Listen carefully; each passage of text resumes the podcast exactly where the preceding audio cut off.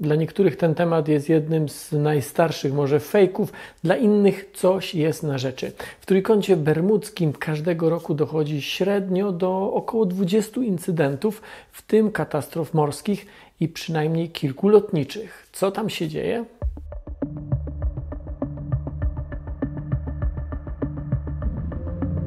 Może na początku powiem, gdzie w ogóle jest Trójkąt Bermudzki.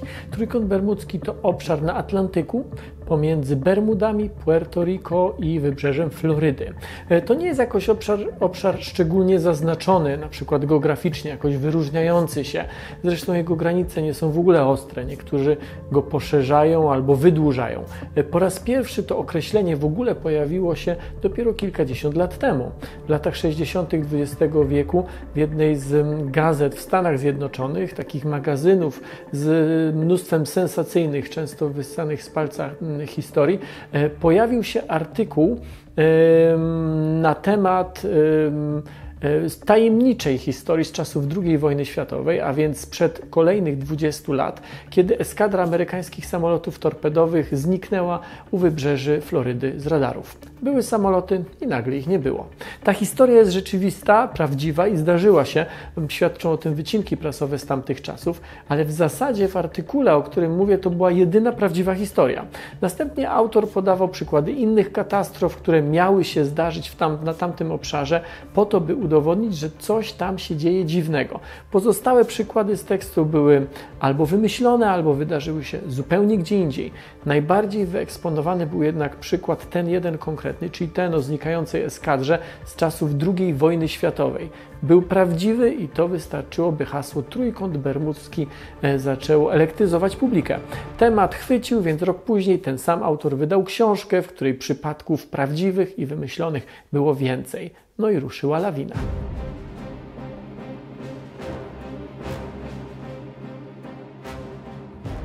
Na tamtym obszarze ruch morski rejestruje się od około 200 lat i czytając te zestawienia nie trudno spotkać relację o tym, że dochodziło tam, czy dochodzi tam do dziwnych sytuacji. Co ciekawe, cokolwiek tam się dzieje, to musi dotykać zarówno samolotów, jak i statków samolotów, których wysokość przelotowa wynosi tam przynajmniej kilka kilometrów nad powierzchnią wody. Dość wczesna hipoteza była taka, że istnieje tam podwodny wulkan, który od czasu do czasu wyrzuca z siebie ogromne ilości gazu, na przykład metanu. Takie wulkany rzeczywiście istnieją. Gdyby z dna morskiego zostało uwolnione duże ilości bąbelków gazu, wędrując ku powierzchni wody, zwiększałyby one swoje, swoją objętość, swoje rozmiary, no bo spada ciśnienie. Gdyby w rejonie takiego uwolnienia gazu płynął statek, zatonąłby z powodu szybkiej zmiany średniej gęstości wody. Siła wyporu jest uzależniona od gęstości. Gdy gęstość spada, statki tracąc wyporność idą po prostu na dno. Taki scenariusz jest możliwy, choć oczywiście nie na tak dużym obszarze, jaki ma zajmować cały trójkąt bermudzki, ale nie tłumaczy co z samolotami. Gdyby samolot wleciał w chmurę metanu, jego silniki z całą pewnością przestałyby działać, ale nie ma absolutnie szans na to, aby obłok gazu unosił się na wysokość kilku kilometrów.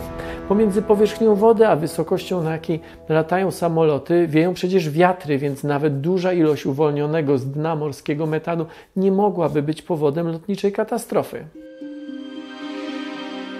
Druga hipoteza mówi o skałach z dużą zawartością minerałów, które zaburzają pole magnetyczne Ziemi, czy odczyty pola magnetycznego. Takie skały rzeczywiście istnieją i powodują dezorientację tradycyjnych, opartych o kompas urządzeń nawigacyjnych. Gdyby rzeczywiście taki fenomen tam miał miejsce, dotykałby w równym stopniu i samolotów, i statków. Tyle tylko, że po pierwsze od kilkudziesięciu lat stosuje się nawigację opartą o satelity, a nie kompasy, a ta satelitarna nie jest zaburzona przez skały magnetyczne. Poza tym e, anomaliami magnetycznymi nie da się wytłumaczyć zatonień czy katastrof, e, ewentualnie jakieś pobłądzenia. No i oczywiście ostatnia sprawa, mimo tego, że bardzo ich poszukiwano, żadnych zaburzeń pola magnetycznego tam nie znaleziono, a tego typu zaburzenia nie mogą się włączać i wyłączać tak po prostu. Przynajmniej niczego takiego dotychczas na Ziemi nie udało się zarejestrować. Wśród innych hipotez są silne prądy morskie, które mają zatapiać statki, ale po pierwsze takich nie zarejestrowano, a po, drugim, a po drugie co z samolotami. No i szybkie zmiany pogody. Ale choć każda z tych przyczyn jest prawdopodobna, na tamtym obszarze nie występują one wcale częściej niż w innych częściach Atlantyku.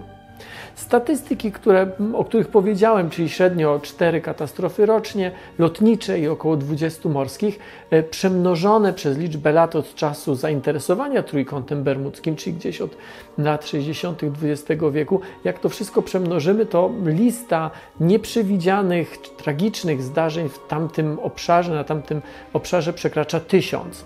To robi wrażenie, ale takie postawienie sprawy może dać nam zupełnie błędny obraz sytuacji, bo obszar trójkąta jest jednym z najbardziej ruchliwych na morskiej mapie świata. Gdyby policzyć to dokładnie, okazałoby się, że w tamtym rejonie wypadki nie zdarzają się wcale częściej niż gdzie indziej, choć oczywiście każda katastrofa czy incydent, który zdarzy się na obszarze trójkąta bermudzkiego, jest dużo bardziej nagłaśniany niż inne podobne, które zdarzają się no, w innych obszarach Ziemi, na innych rejonach Ziemi. Czasami dochodzi do paradoksalnych sytuacji, bo wypadki, które mają miejsce zupełnie w innych częściach Atlantyku, błędnie lokalizuje się w trójkącie bermudzkim. Ponadto położenie boków tego trójkąta nie jest jednoznacznie określone, więc obszar przesuwa się, gdy tylko zachodzi taka potrzeba. Choć w przeszłości zdarzały się i takie sytuacje, gdzie po to, żeby wpisać jakąś katastrofę na listę trójkąta bermudzkiego, jego boki przesuwano do samych wybrzeży Irlandii, czyli w poprzek całego Atlantyku. Nauka to lubię na Facebooku i YouTubie.